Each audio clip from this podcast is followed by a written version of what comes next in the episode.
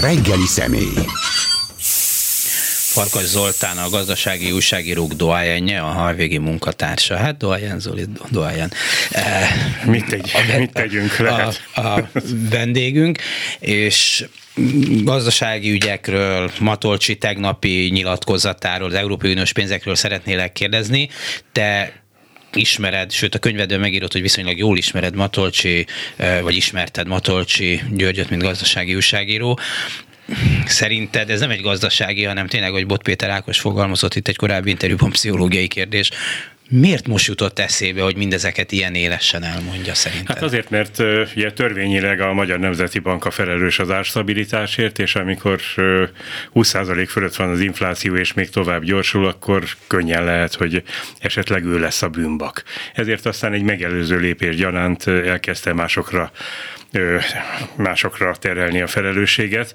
Egyébként hozzá kell tennem, hogy Matolcsi György az kifejezetten érdemes országgyűlési bizottságokban meghallgatni, mert például 2012-ben ott ismerte be eléggé látványosan, hogy a nyugdíjpénztári vagyon megkaparintására azért volt szükség, hogy ne kelljen brutális megszorításokat bevezetni. Ez sem előtte, sem utána nem mondta ki, de úgy látszik, őt inspirálja valamilyen módon ez a közeg. Tehát van benne, bocsánat, hogy ilyet mondok, mert ugye bennünk is van, tehát van benne bizonyos szereplési vágy, és igen, élvezi azt, hogyha olyan közönség előtt beszélhet, amelyik megbecsüli az ő mondatait. Hát egy nemzeti bank elnökének a mondatai, akármint is mond, mindig fontosak, az, azokon nagyon sok százmilliárd forintok múlhatnak, vagy múlnak is. Hát elvileg igen. Egyébként, hogyha ezt nem ilyen előzmények után mondja, amilyeneken túl vagyunk. Tehát a, a sorozatos bugdácsolások, lazítások, szigorítások, szigorítások, lazítások egész rendszerén, akkor azt lehetne mondani, hogy ezek abszolút vészjósló mondatok, és be kellett volna dőlni a, a forintnak, és így tovább. Az, hogy viszonylag szerény gyengüléssel eddig megúsztuk, na most ezt hangosan lekopogom, remélem behallatszik, annak talán az is a magyarázata, hogy nem feltétlenül veszik olyan, olyan nagyon-nagyon komolyan ezeket a megállapításokat. Hozzáteszem egyébként, hogy ezek a megállapítások, ezek tényleg olyanok, hogy akár az, hogy a magyar ikerdeficit az egyik legsúlyosabb, Romániában van csak ennél súlyosabb egyensúlyhiány, mint Magyarországon, vagy az, hogy a magyar agrárium vacakul teljesít, a harmadik negyedév, negyedévben 60%-a volt az agrárium teljesítménye az előző évinek. Hát ezek olyan evidenciák, amelyeket speciál a HVG-ben hétről hétre el lehet olvasni.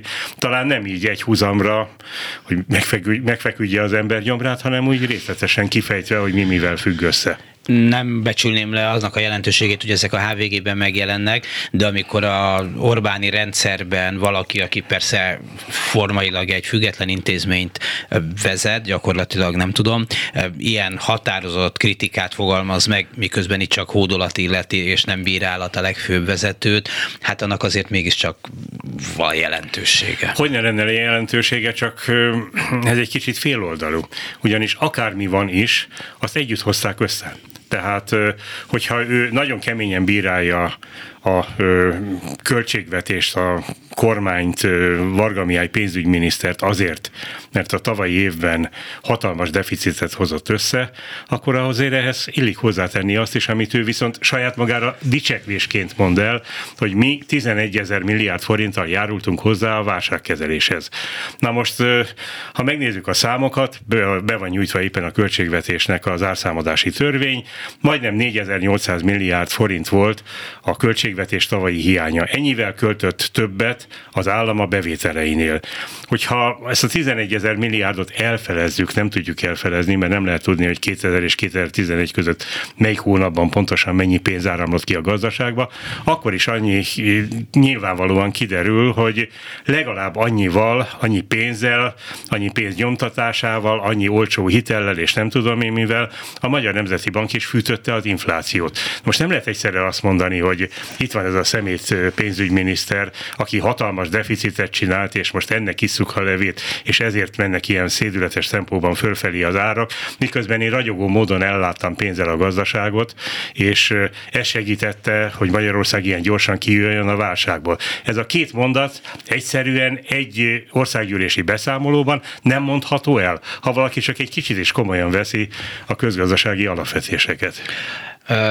Hát igen, az árfolyam például, ami szintén a Nemzeti Bank felelőssége részben. Hát az árfolyam az egy nehezebb ügy, a szónak abban az értelmében, hogy mindig is a hitelesség egyik mércéje volt. Tehát olyan nincs, hogy hiteles egy Nemzeti Bank és gyengül, stabilan gyengül, vagy folyamatosan gyengül a valutája. Szóval azt hiszem, hogy először egy tükröt kellene kikézbesíteni az elnök úrnak, hogy nézzen egy pillanatra bele, és nézze vissza a korábbi nyilatkozatokat. Hozzáteszem ugye, hogy ez a hősies nyilatkozat, hogy föl kell számolni az árstopokat, amiről én mélyen meg vagyok győződve, főleg azok után, hogy Lányfaluról ide a stúdióig majdnem két óra volt az út, és számos helyen éppen a benzinkutaknál sorban álló autósok torlaszolták föl a forgalmat, mert kilógtak. Hát akkor a sor van akkor a, a sor Egyes úton, hogy egyes helyeken akkor a sor van, hogy igen. Spontán hogy, taxis blokkád. Hát igen, azt is lehet mondani. Mindenesetre nem ilyen szívderítő. A taxis blokkádnál legalább jó levegőjű volt a város, és, és érdekes, jó, érdekes könnyebb, könnyebb volt mozifilmet csinálni, mint ebből nehezebb lesz így. Szóval, hogy az ástopokat föl kell számolni, mondja Igen, ő. igen, de hát ugye mióta vannak ástopok? Ugye először volt az üzemanyag, majd januárban jött a, az élelmiszer, igen, a csirkefarhátot is beleértve, amit közkívánatra utólag vettek be a hat előre megadott termék körébe. És márciusban mit ír a, a Magyar Nemzeti Bank inflációs jelentése? Mindez jót tesz az infláció megfékezésének. Most pedig azt mondta, hogy 3-4 százalékot dob rá az inflációra, mondta tegnap. Egyébként még a szeptemberi inflációs jelentésben is az van, hogy ez visszafogja az inflációt, és az egész csomag együtt ugye a, a, a, az árstopok, a rezsicsökkentés és így tovább, ez mind-mind-mind az infláció tompítása irányába hat. Föl nem vetődött az, hogy ez gyorsítja az inflációt. Egyébként annak a inflációs jelentésnek az a szépsége, hogy például azzal a feltételezéssel élt, hogy a rezsicsökkentés végig megmarad és miután kijött az inflációs jelentés, egy hét sem telt, amikor kiderült, hogy bizonyos értékhatár fölött a gázért és az áramért sokkal többet kell fizetni, a lakossági gázért például nyolcszor annyit. Na most ez a feltételezés valóban nem volt benne a szeptemberi inflációs jelentésben, az volt benne, hogy békében boldogan élünk, ahogy mondani szokták, megállítjuk az inflációt, az energiainflációt, vagy legalábbis annak egy részét a határainkon, és nem, nem hangzott el olyasmi, hogy ezeket ezeket az árstopokat föl kell számolni. Ez egy új dolog, akkor jött elő, amikor már föl van készítve az egész lakosság arra, hogy legyen már ennek vége, kapjak rendesen benzint, meg UHT tejet, meg cukrot, meg nem tudom én mi, mert ezeket nem lehet megkapni hát van egy ilyen olvasata a dolognak, különösen akik szeretik az összesküvés elméleteket, hogy tulajdonképpen nem ennyire rossz az üzemanyaghelyzet, csak most mesterségesen egy kicsit szűkítik a kínálatot, hogy egy idő után mindenki azt mondja, vagy egyre többen mondják azt, hogy jó, akkor legyen drágább, csak legyen. Tehát, hogy egy ilyen lélektani előkészítés. Fogalmam sincs, hogy ez így van-e tényleg, csak, csak hát hova tűnt hirtelen minden Jó, jó ez, ez gyakorlatilag az utcán is hallatszik ez a feltételezés, és ne vegyük szó szerint, hanem vegyük ezt metaforának. Vegyük. Ez azt jelenti, hogy nem hisznek el semmit az emberek. Tehát lehet, hogy így van. Bizonyára a molnak igaza van, amikor azt mondja, hogy kiesett az import. Hogy ne esett volna ki az import, hogyha ugye a piaci ár az talán 670 forint, ugye a, a lakossági ár meg 480 forint. Ki hoz be azért 670 ér, hogy 480 ér eladja. Egyébként pedig vannak ilyen csodálatos dolgok, hogy Szentendrén a Lukoilnál szoktam tankolni, éppen útba esik, és így tovább. Két hónappal ezelőtt ezelőtt megkérdeztem, hogy hogy bírják. Azt mondták, hogy sehogy el vagyunk adva a lengyeleknek. Tegnap, amikor jöttem haza, láttam, hogy ki van írva a Lukoilra az, hogy Orlen. A PKN Orlen benzinkutya lett a Lukoilból, hogy, köz, hogy egyenesen a PKN Orlen vette meg, vagy a MOL közvetítésével, hiszen a MOL meg a PKN tárgyalt egymással, Igen. és Lengyelországban meg a MOL nyit benzinkutakat. De az biztos, hogy itt elég sokakat megfosztottak ezzel a 480 forintos ársapkával a tulajdonától. Én kezdetektől fogva arra is gyanakodtam, nem biztos, hogy ez volt az egyik fő ok, hogy ezzel most a kis benzinkutakat gyorsan tönkre lehet tenni, olcsón fölvásárolni, megszerezni, és előbb-utóbb úgyis visszamegy a benzinára, és akkor lehet rajta nyerni. De miért, miért a kicsiket kellene tönkretenni? Hát egy nagyot, hogy tesz, sokkal nehezebb tönkretenni. A nagy hal megeszi a kis halat. Egyébként éppen egy kis benzinkút, az szerintem sokkal kevésbé célja bármifajta felvásárlásnak, mint a Szentendrei út mellett egy nagy. Hát igen, de sok kicsit megveszel és hálózatok kötött. Na jó, mindegy, ez egy bizonyos szempontból mellékszál, hogy most miért beszélt Matolcsi úgy, ahogy, erre sokféle elmélet van. Én azt mondtam, hogy figyelni kell a bőszen tenyésző kormánypárti sajtót, hogy hogyan értékel, és abból lehet következtetni a dologra, hogyha megdicsérik, és részletesen beszámolnak akkor lehet, hogy ez egy összjáték, tényleg őt küldték előre a pofonok átvételére, vagy hogyha elhallgatják, akkor, akkor kevésbé. Hát úgy tűnik, hogy ez utóbbi igazolódott be, ugye az MTI, mint most itt egy kollégánk felhívta a figyelmet, nem tudósított róla, nem szerepel benne a úgynevezett kormánypárti úgynevezett sajtóban, alig-alig szerepel állítólag a megyei lapokban, nincs néhány helyen Varga Mihály cáfolata azért megjelent, tehát ez azt mutatja, hogy a propagandagépezetet meglepte ami történt. Tehát akkor mégiscsak lehet, hogy Matolcs úgy magától mondta el. Ugye ez megint azt jel, arra jellemző, amit mondtál, az egész mondatfűzésed azt árult el, hogy nem hiszünk el semmit egy az egybe. Tehát nem, nem tudjuk azt feltételezni, hogy ez saját magától mondta el, hiszen ez egy komplet vádirat volt. Ugye ráadásul vannak benne olyan mondatok, hogy 2010-ben kisiklott a politika, miközben Tizen, nem olyan... Ne, 13 ig gazdasági miniszter igen, volt. Igen, igen, miközben nem olyan régen, nem olyan régen még azt mondta, hogy az előző volt Trianon óta a magyar gazdaságtörténet legsikeresebb évtizede. Meg, meg azt is mondta, hogy ugye az ő gazdasági minisztersége idején sikerült stabilizálni az ország pénzügyi helyzetét, majd 2013-tól nyíregyenesen nőtt a gazdaság, ugye a növekedési fordulat következett be, és így tovább. Ehhez képest most azt mondta, hogy hat és fél évig tartott, amíg a 2008-2009-es válság után stabilizálták az ország, ország helyzetét melyiknek higgyük el, melyik Matolcsit higgyük el, hogy, hogy most éppen igazat mond? Bodnár Zoltán a Demokratikus Koalíció árnyék gazdasági minisztere, pénzügyminisztere eh, Vörös Sándor idézte, Karesz hülye, Gyöngyi hülye, csak én vagyok okos, én nekem a seggemben is fejem van így foglalta össze, hogy mi történt tegnap. Ezt most mit mondjuk? az irodalom hatalma. Jó, mondjuk szerintem az egy érdekes kérdés, hogy most ez elhangzott, mégiscsak, a, még hogyha egy olyan nemzeti banki elnök is mondta el, aki nem teljesen, hogy mondjam, összkonzisztensen, vagy hogy szokták ezt szépen mondani, beszél, de mégiscsak ő a nemzeti bank elnöke, hogy következik-e ebből valami, vagy most elmondta, kicsit beszélgetünk róla, aztán mindenki legyint, és ki tudja, mi a következő. Nagyon dolog. sok minden következik belőle, például az, hogy egy eléggé, tehát az kétségtelen, hogy meglehetősen sebezhető állapotban van a magyar gazdaság, főleg pénzügyileg. Az is kétségbe vonhatatlan, hogy meglehetősen nagy deviza ínség van ebben az országban. Tehát ilyenkor, ilyenkor talán érvényes az a szabály is, hogy akasztott ember házában nem nagyon illik kötelet emlegetni, hogy legalábbis alapvető illetlenség. Tehát nem nagyon biztos, hogy, hogy ez, a, ez az egész vád irat, ez jót tesz. Csak hogy mi a helyzet? Ugye most kell benyújtani a jövő évi költségvetésnek a módosítását. Nem tudom, hogy ez milyen állapotban van. De nem mindegy, hogy mi van a költségvetés módosításában. Egyébként, egyébként majdnem mindegy, de mégiscsak piaci jelzés, a szándékokat legalább jelzik. Egyébként nem mindegy, mert hiszen a, a Covid-ig egyetlen egy dolgot mindig betartott a kormány, nagyjából akkora lett a hiány, mint amekkorát tervezett. Ha pénztöbbség volt, akkor decemberben elköltötte, ha hiány volt, akkor jegelt beruházások élet, és így tovább. Tehát arra vigyázott, hogy formálisan az ígért költségvetési hiány kereten belül maradjon. Nem, másra nem szétverte az egészet, másra költött, mint amit ígért, másra költött, mint ami a törvényben van, máshonnan vont el pénzt, visszamenőleges adót vetett ki, és így tovább. De arra ügyelt, ügyelt, hogy nagyjából a megadott keretek között maradjon. Ebből a 2020 és a 21 már nem volt igaz, hiszen mind a két év nagyon súlyos válságkezeléssel telt el. Már 2021-ben, amikor a Covid után 7,1%-os volt a gazdasági növekedés, nem tudom, hogy azon mit kellett még élénkíteni. Tehát ebből a szempontból valóban jogos az, hogy, hogy, hogy a feleslegesen szórt ki a költségvetés írtózatos mennyiségű pénzt. Ugyanúgy igaz, hogy a Nemzeti Nemzeti Bank is feleslegesen adott ingyen pénzt, fix kamatozású pénzt az idők végezetéig a haveroknak, és így tovább. A, a, haveroknak. Igen, igen. Ez a, a magyarázat. Hát ez a, nem csak nekik. Ez az egyik magyarázat. nem igen. csak nekik, de az tény és való, hogy ezt tetszik, nem tetszik, ezt együtt hozták össze.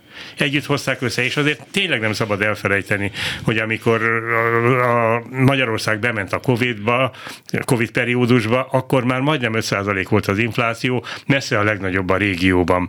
Majd a Covid alatt kicsit csillapodott, mert, mert ugye akkor gyakorlatilag egy sor termék vásárlása megszűnt, vagy minimálisra csökkent, tehát az vissza, vissza is ment a, az árszínvonal, majd utána gyönyörűen fölállt a trendvonalra, és mire kitört a háború, bocsánat, mielőtt Oroszország nekirontott volna Ukrajnának, azelőtt már 8% volt az infláció. Az árstopokat nem a háborús infláció miatt, nincs háborús infláció, Matolcsi is ezt mondta. Tehát nem a háború miatt rendelték, hanem a háború előtt. Tehát euh, még, még föl sem rém lett az, ha csak tényleg meg nem sukta Putyin Orbán Viktornak, de hát azért ilyet én sem mondanék komolyan. Ezeket mind-mind elkezdték már korábban. Valószínű arra nem számítottak, hogy beleragadnak. Valószínű arra nem számítottak, hogy majdnem kétszeres áron adják a piacon a, a csirke mellett, mint a, a, a bevásárló a nagy élelmiszerboltokban és hipermarketekben mondtad többször is, hogy visszatértünk oda, hogy mit hiszünk el, vagy milyen sok mindent nem hiszünk el. Matolcsinak volt egy megjegyzése, amelynek látom, hogy élénk magyarázatai elindultak. Azt mondta, ha jól emlékszem a számra, hogy 20 ezer milliárd forint van a lakosságnál nem lekötve, úgy, hogy föl lehetne használni, és ezt föl lehetne a gazdaság fejlesztésére, élénkítésére, energiahatékonyságra, mit tudom, mire használni. Ezt, ahogy látom, a magyarázók egy része úgy értékeli, és mondjuk a nyugdíjpénztár elzablálása után tényleg nehéz, nehezebb megvédeni ezt a mondatot, de hogy valamiképpen békekölcsön, hadikölcsön, lenyúlás, zárul, nem tudom mindenkinek milyen a fantáziája, de valahogyan szeretnének legalább egy részre rátenni a mancsukat elképzelhetőnek tartasz-e, vagy, vagy van ennek valami közgazdasági értelme? Bocsánat, én csak közgazdasági értelemről vagyok hajlandó beszélni, találgatásokról nem. A találgatásokra mindig azt mondom, hogy jellemző. Jellemző, jellemző és jellemző. Jellemző arra, hogy miből mit olvasnak ki. Na most Matolcsi György ugye azt mondta, hogy talán 12 ezer milliárd van Párnacihában, tehát otthon, és 8 ezer milliárd látra szóló betétben. Miért van, miért van látra szóló betétben? Miért van? Mert nincsen, nem adnak rá kamatot. Tehát most az a sajátos helyzet, hogy ugye a Nemzeti Bank fölemelte 13%-ra az alapkamatot, ez meglehetősen magas, aztán azt mondta Matolcsi György, hogy nem emeli tovább. Majd annyi gyengült, a, annyi gyengült a forint, hogy az overnight kamatot, tehát az egyik napról a másikra a, bank, a Nemzeti Banknál elhelyezett 18, 18 százalékra emelte föl, ami micsoda csoda, mégiscsak valamennyire stabilizálta a forint árfolyamát. Eddig azt mondták, hogy a kamatnak nincsen ilyen igazi árfolyam hatása, és a Nemzeti Banknak nincs árfolyam célja, fölment 18 százalékra, és azonnal kiderült, hogy mégiscsak van. Na hát most ez, ez a 416 ezen... forintos euró, ami most van, most hát, nem pár ebből, ebből, ebből, azért az elég, elég durva, tehát még tavasszal, nyár elején sírógörcsöt kaptunk volna tőle, most hát már jó, is nem. jó, én is emlékszem arra, hogy egy évvel ezelőtt 365 forint volt az átlagos árfolyam. Az októberit mondom, a novemberire nem emlékszem. Ne, nem mondom, hogy a mi műsorunk miatt, de mióta elkezdtük, egy forint 50-et romlott a forint, nem biztos, hogy mi miatt. Még valószínű fog a, a, a nap, nap folyamán. Igen, Zoli. igen, de, de, de csak, csak azt akarom mondani, hogy nincs, nincs betéti kamat, és ugye az állampapírok hozama is ugye a maximum ez az öt évre, azt hiszem 6%-os volt ez a prémium magyar államkötvény. Hát ez sem vált a nagy infláció miatt olyan rendkívül vonzó befektetési célra. Most utólag megemelték, vannak 11-12%-os állampapírok is, ami annyit jelentett, hogy a régit lecserélték az újra. Na most a helyzetben az az érdekes, ugye, hogy a Magyar Nemzeti Bank az egyik oldalon ad 18% kamatot. Na most, hogyha ez a pénz ez a pénz, ez bemegy a kereskedelmi bankokhoz, fizetnek rá 5-7-8-10 százalékot, nem fizetnek annyit, nem is fognak, és ugyanezt a pénzt a, nem tudják kihelyezni, ugye, mert ezen a magas kamatszinten panga hitelezés, ez beviszik a Magyar Nemzeti Bankba az overnight betétbe, akkor ezzel, ezzel olyan súlyos veszteségeket okoznak a Magyar Nemzeti Banknak, ezen keresztül a költségvetésnek, ami már-már az elviselhetőség határát súrolja. Tehát ez a szédületes padhelyzet, helyzet, hogy rengeteg pénz van kint, rengeteg pénz van kint, nincsenek lakossági megtakarítások, vannak persze lakossági megtakarítások, de valóban a, a, a párnaciában lévő pénz az nem hasznosul olyan jól, mint hogyha forogna a gazdaságban. Viszont nem kell rá kamatot se fizetni. Hát neki az a jó, ha folyó, ez a 20 ezer milliárdra nem kell kamatot fizetni. Na most, hogyha ő arra, gondol, hogyha ő arra gondolt, hogy ezt valamilyen módon be lehetne csatornázni például az energiai megújítást szolgáló kötvényekbe, részvényekbe, vagy nem tudom én mibe. Tehát, hogyha az ő vízióját megfogadva a kormány hirtelen csinálna lakossági megtakarításokból egy megújuló energetikai programot, akkor kétség kívül lenne rá remény, hogy ez a pénz hasznosul. Csak önként, tehát most egy, egy, egy kormányzati programra én önként adjam oda a pénzemet, miközben, miközben gyakorlatilag fél évente változik, hogy mi van a napelemmel, és ki tölthet föl a hálózatra, ki nem tölthet, hogyan fognak elszámolni, és így tovább. Tehát ahhoz egy olyan üzleti környezet kellene, amiben valóban bíznak a kormányzati programokban. Én nem nagyon tapasztalatom ezt. Ezen kívül lehet még ugye a a parancsba adni, vagy elvenni, és így tovább, de erre mondom, hogy én szeretnék megmaradni a gazdasági racionalitások mellett. A gazdasági racionalitásokból pedig az következik, hogy a jelenlegi kamatszint mellett, a jelenlegi monetáris politika mellett ez a pénz törvényszerűen van részben otthon az emberek megtakarításai között, tehát a, tényleg a párnacihában, másik része pedig törvényszerűen van látra szóló betétben. Az egész környezetet kellene megváltoztatni ahhoz, hogyha közgazdaságilag akarjuk ezt a pénztömeget hasznosítani, és nem mondjuk parancsszóra. Másik fontos dolog, amit fel akarok neked vetni, ez a Magyarország Európai Uniós pénzei részben a dönterek, vagy véleményt mondanak róla a, a Európai Uniós pénzügyminiszterek, tehát nem tudjuk, hogy jön pénz, nem jön, kevés, sok, így, úgy próbáld érzékeltetni azt, hogy mekkora az a pénz, ami Magyarországnak jutott az elmúlt években az Európai Uniótól, mert röpködnek itt a 1000 és 100 milliárdok, csak ezt nagyon nehéz mihez viszonyítani, tehát mennyire jelentős az a pénz a magyar gazdaságban, ami az elmúlt években az Európai Uniótól már érkezett. Hát a múlt héten megjelent HVG-ben azért ezt megpróbáltam megnézni, hogy mi lett volna akkor, hogyha a visszanemtérítendő támogatások helyett mindig hitelt kellett volna fölvenni, és én arra a szerény következtetése jutottam. Persze ez egy végtelenül leegyszerűsített számítás, hogy, hogy ugye Szeptember végén 76% volt a hazai össztermékhez viszonyítva az államadóság, hogyha az elmúlt öt évben, tehát 2018 óta minden visszanemtérítendő támogatás helyett hitelt vettünk volna föl, akkor 87% lenne. Tehát közel lenne ahhoz a 90%-hoz, amit csak a legfejlettebb országok, a legstabilabban finanszírozott országok engedhetnek meg maguknak. Ez már kísértene egy latin-amerikai szintet, közelítene hozzá. Na most Természetesen ennyi pénzt nem lehet fölvenni.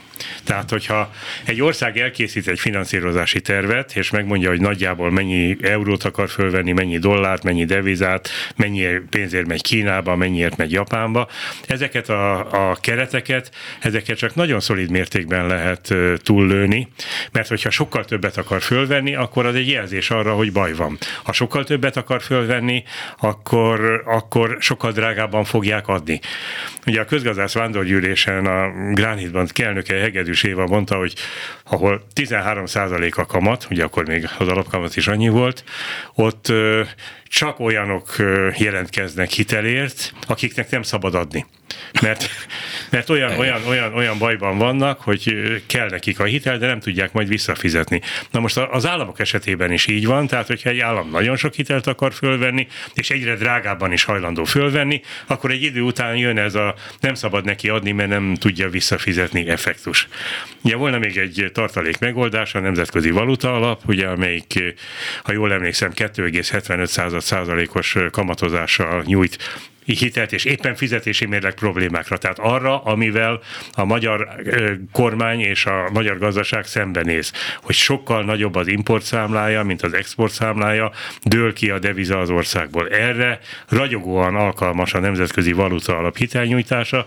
Nem tudom, hogy olyan előzmények után, hogy dicsőségesen kiebrudálták 2010-ben a, az IMF-et, megszakították az akkor lejárt programot. 2012-ben meg teleplakátolták az országot, hogy milyen gaz a az IMF, lehet-e hozzá menni lehet hozzá menni. Hát, gondolom, ezek, ezek azért nem érzelmi kérdések. A fogadófél részéről nem érzelmi kérdés. Tehát ha valaki hozzájuk fordul, akkor komolyan veszi és meg akarja nézni, hogy mit akarnak az alapénzzel csinálni. Ha érzelmi kérdés lenne, akkor számos latin-amerikai ország már soha többet nem kapna pénzt, mert minden alkalommal átverte a hitelnyújtóit. Ezt mi is tudjuk nyújtani bármikor. Igen, ez kétségkívül, bár ettől mi még messze vagyunk, ezt most nagyon gyorsan elmondom, ettől mi még messze vagyunk, ettől mi még messze vagyunk. Hát reméljük, messze De minél többször elmondom, annál közelebb leszünk hozzá. Igen. Bocsánat.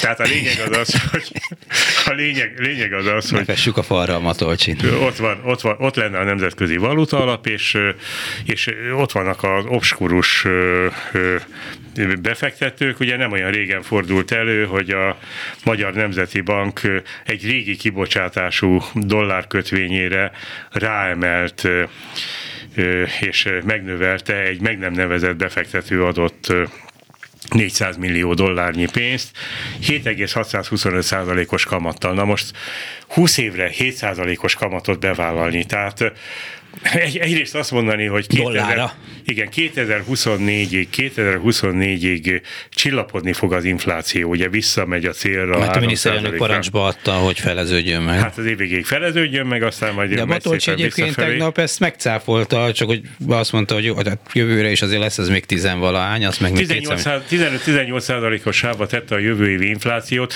Ugye ez most érdekes, mert itt mi egy bizonyos szempontból érzékszervi áldozatai vagyunk a fejleményeknek, mert az év elején azért, tehát az éves infláció az olyan 15-16 százalék. 15 körül, körül lesz, igen, körül lesz mert elindult, ugye márciusra érte el a 8-at, aztán utána száguldott fölfelé. Vannak ilyen csodálatos dolgok, például akkor, amikor a Nagymárton meghirdeti az extra profit adót, akkor júniusról júliusra csak az élelmiszerinfláció 5%-kal megugrik. Milyen érdekes, mert? ugye? Ráver, mert a hipermarketek erre ráverték ezt, meg ráverték mint ahogy a héten megjelenő AVG-ben a Spár ügyvezető igazgatójával készült interjúban olvasni lehet.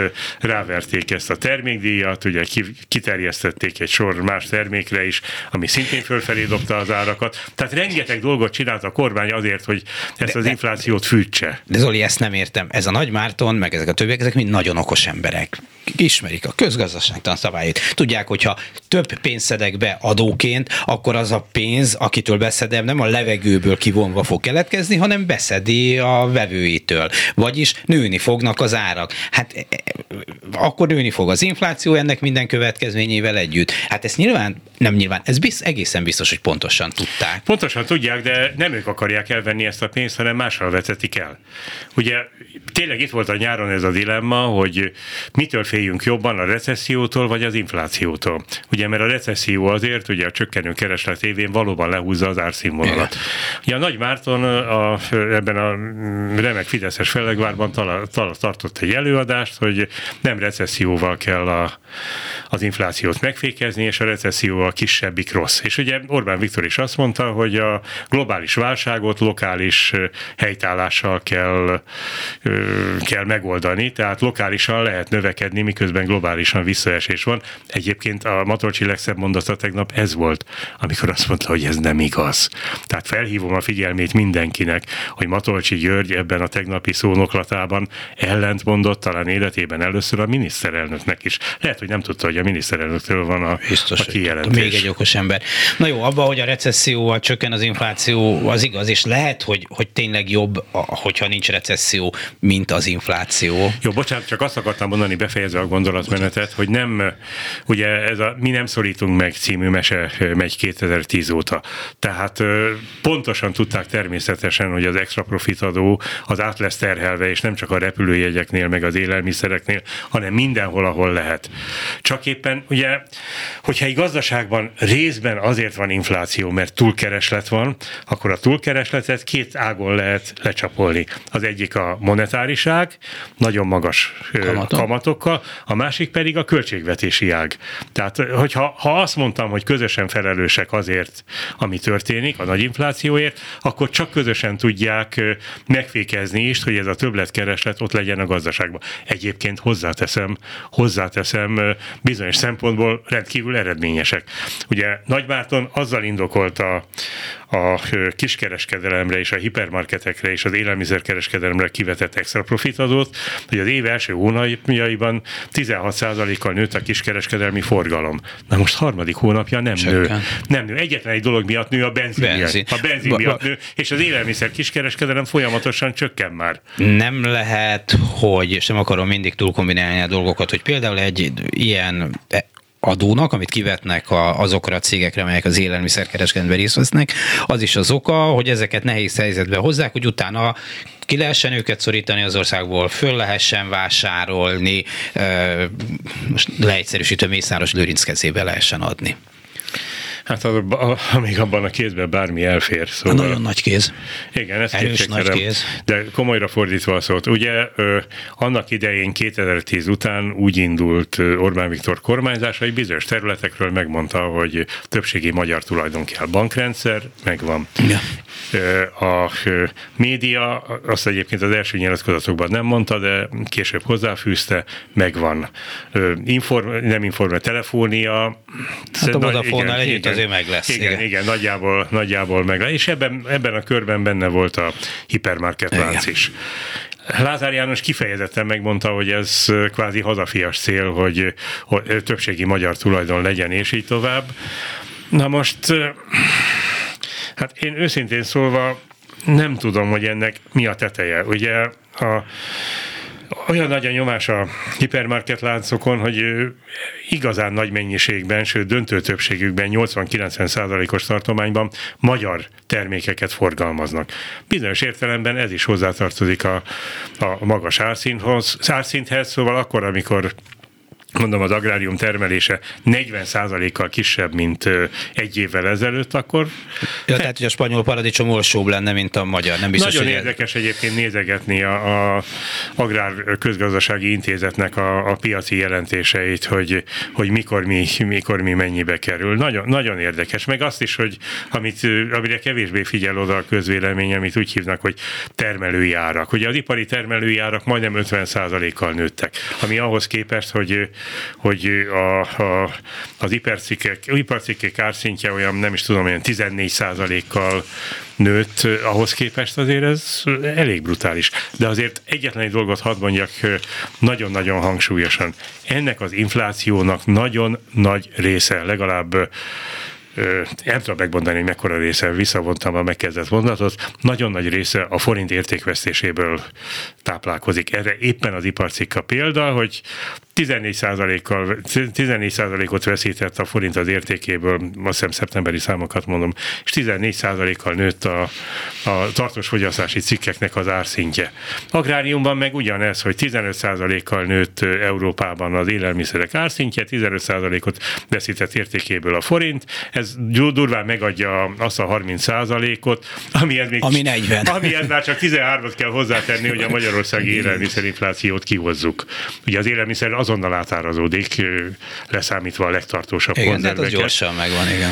Úgyhogy, úgyhogy ott, ott egy az egyben benne van. Egy az egyben benne van. Na most azért, hogy a forintnak ez az árfolyama, és azért, hogy ennyit veszített az értékéből, ezt Matolcsi György nem tudja senkire rákenni. Most gyorsan nézzünk, pár percünk maradt, két nagy forgatókönyvet. Az egyik, hogy Magyarország megkapja az Európai Uniós pénzek nagy részét, a másik, hogy belátható ideig nem.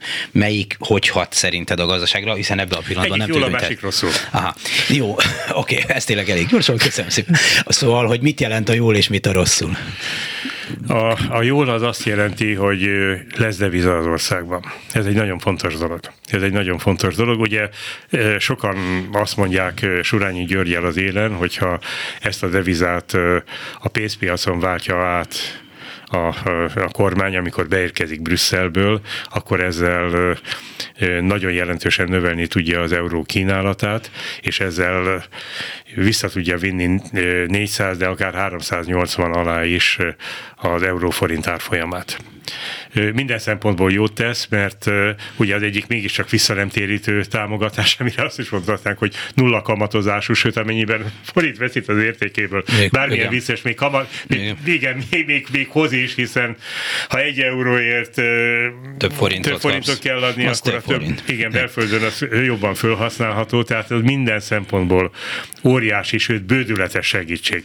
Nem szoktunk abba belegondolni, hogyha egy ország kap egy évben, ami egy normál üzletmenet szerinti év, egy olyan 1400 milliárd forintnak megfelelő uniós támogatást, ingyen pénzt, akkor erre nem kell kamatot kivetni, nem kell adót kivetnie. Akkor, akkor, akkor ezért nem kell kölcsönt fölvenni, és nem kell utána kamatot fizetnie, most már devizában is 5-7 százalékot, mint láttuk a legutóbbi hitelfelvételben, forintban meg 15 százalékot. Hát nincs, nincs nagyobb áldás ennek az országnak, mint az, hogy ingyenes, visszanemtérítendő uniós támogatásokhoz jusson. Hozzáteszem, most tényleg nagyon komolyan véve mindent. Ugye Orbán Viktor azt találta mondani, hogy 10 milliárd eurójába kerül az országnak a, a szankció, a háború és minden, amit mondani szokott. Na most ennél ő többet elvett azzal, hogy Brüsszellel háborúzik, sokkal többet. Először is lemondott egy 10 milliárd eurós ö, nagyon olcsó kamatozású hitelről, amit az Európai Bizottság vett volna föl. Tehát ez már annyi.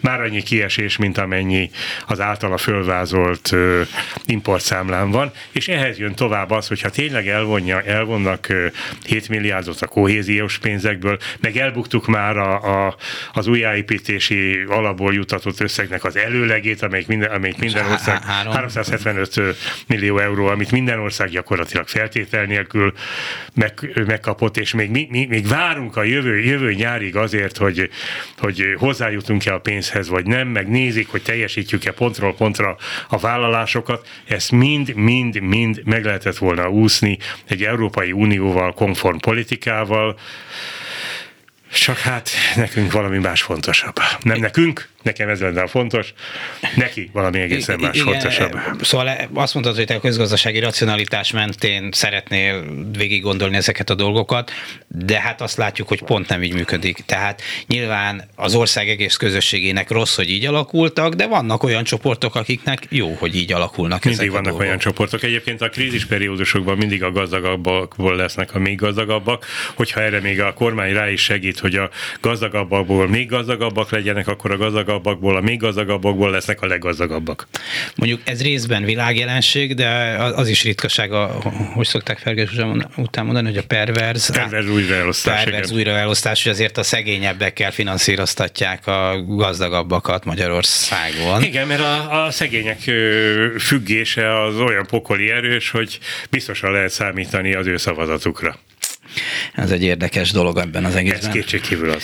Igen, de azt hiszem, hogy ez se, ez se példa nélküli a világban. Köszönöm szépen Farkas Zoltának, a HVG gazdasági újságírójának, hogy mindezt elmondta, önöknek pedig köszönöm szépen az egész reggeli figyelmet.